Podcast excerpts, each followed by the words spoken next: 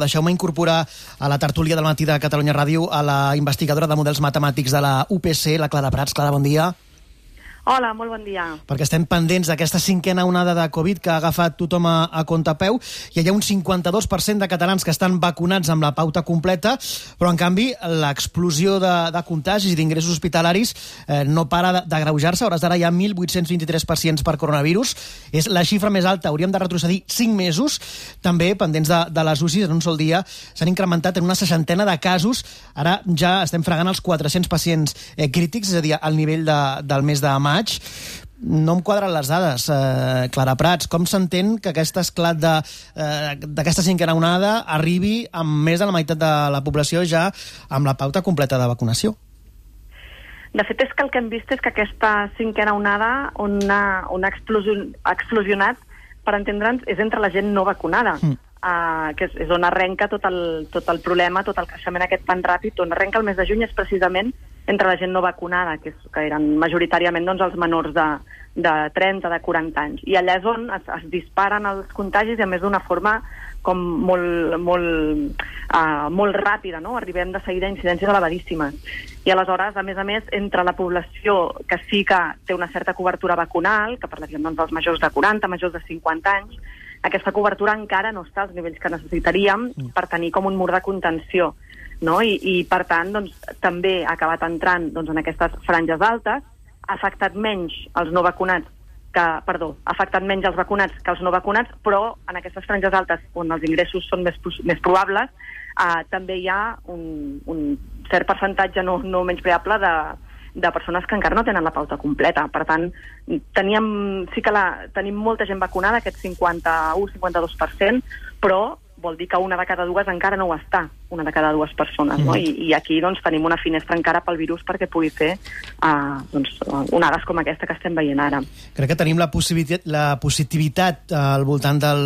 superant el 20%, Uh, recordem que l'OMS recomana que el topall màxim estigui al 5%. Això vol dir que la situació encara està totalment descontrolada?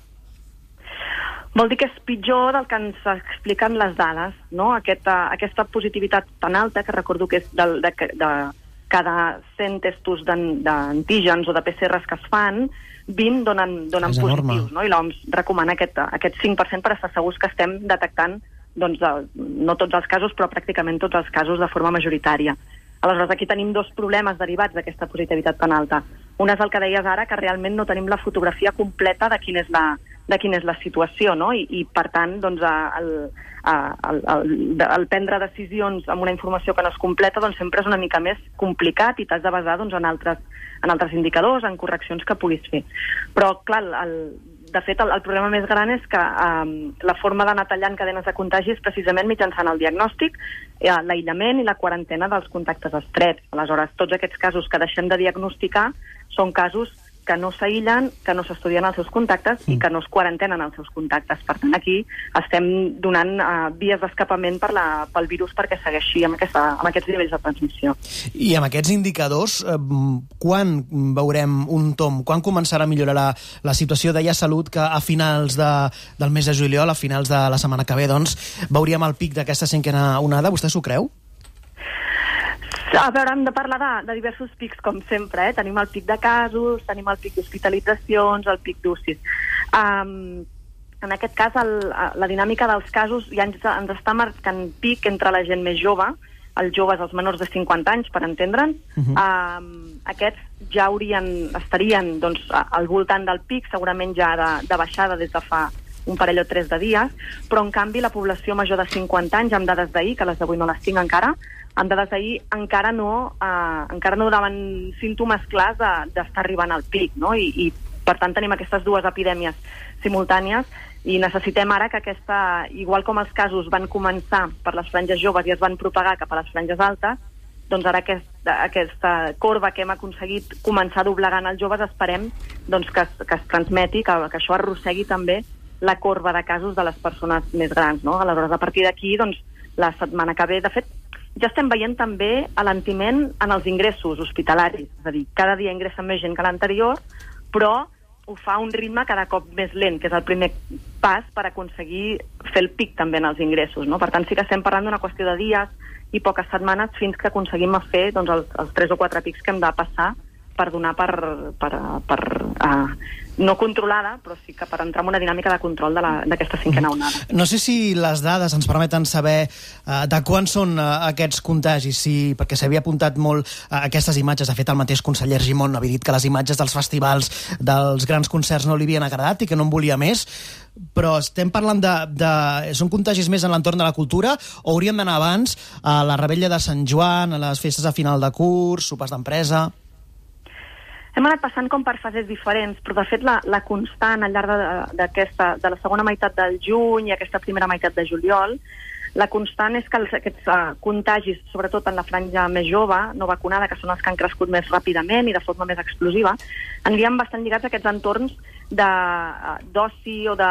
És a dir, entorns on s'ajunta molta gent i on es poden donar aquests esdeveniments que diem de superpropagació, no? de, de supertransmissió un entorn on no és el familiar, on d'un cas positiu en surten dos, tres, quatre més, sinó que són entorns on fàcilment en podem tenir desenes. Ah, amb un sol infectat, doncs, poden sortir desenes de contagis. I aquesta ha sigut bastant la constant. El moment àlgid d'aquest tipus de, de contagis és el pont de Sant Joan, que és el que, de fet, és, és el que ens complica una mica, uh, el, el que ens porta a la, a la situació a la que estem ara, perquè allà fem com un salt, passem d'uns centenars de casos diaris que teníem a finals de juny, hi ha un creixement per la, per aquestes festes de Fira Curs, els viatges, etc. però de cop fem un salt i en pocs dies passem als milers de contagis diaris, mm. no? I, I aquest salt ens porta a un nivell on qualsevol creixement, per, per petit que sigui, si estem parlant de milers de casos diaris, qualsevol creixement ens segueix generant cada cop més casos en aquest nivell dels milers, no? I, i aquí és on hem tingut el, el problema, no? en, en controlar la pandèmia a aquest nivell de transmissió que era molt, molt elevat. Mm -hmm. potser no, a França no han fet la vacunació eh, obligatòria, però sí que eh, des d'avui Emmanuel Macron fa la vida poc menys que impossible als no vacunats. Els prohibeix entrar a, a tot arreu, ni a bars, ni restaurants, ni, ni concerts, ni cinemes, si no tenen la doble vacunació, la pauta completa. Vostè està d'acord en aplicar... Eh, eh S'hauria d'aplicar aquestes mesures tan contundents a, aquí? Jo penso, i per les dades que tinc, jo no sóc expert en, en aquests temes, no? que lligarien potser, formaria més part de la bioètica, o, uh, però el, la sensació que tinc veient com està evolucionant la, la vacunació a casa nostra és que de moment no fa falta, perquè el, el ritme de vacunació segueix sent molt elevat i ve més limitat per l'arribada de vacunes que no perquè la gent no, no vulgui vacunar.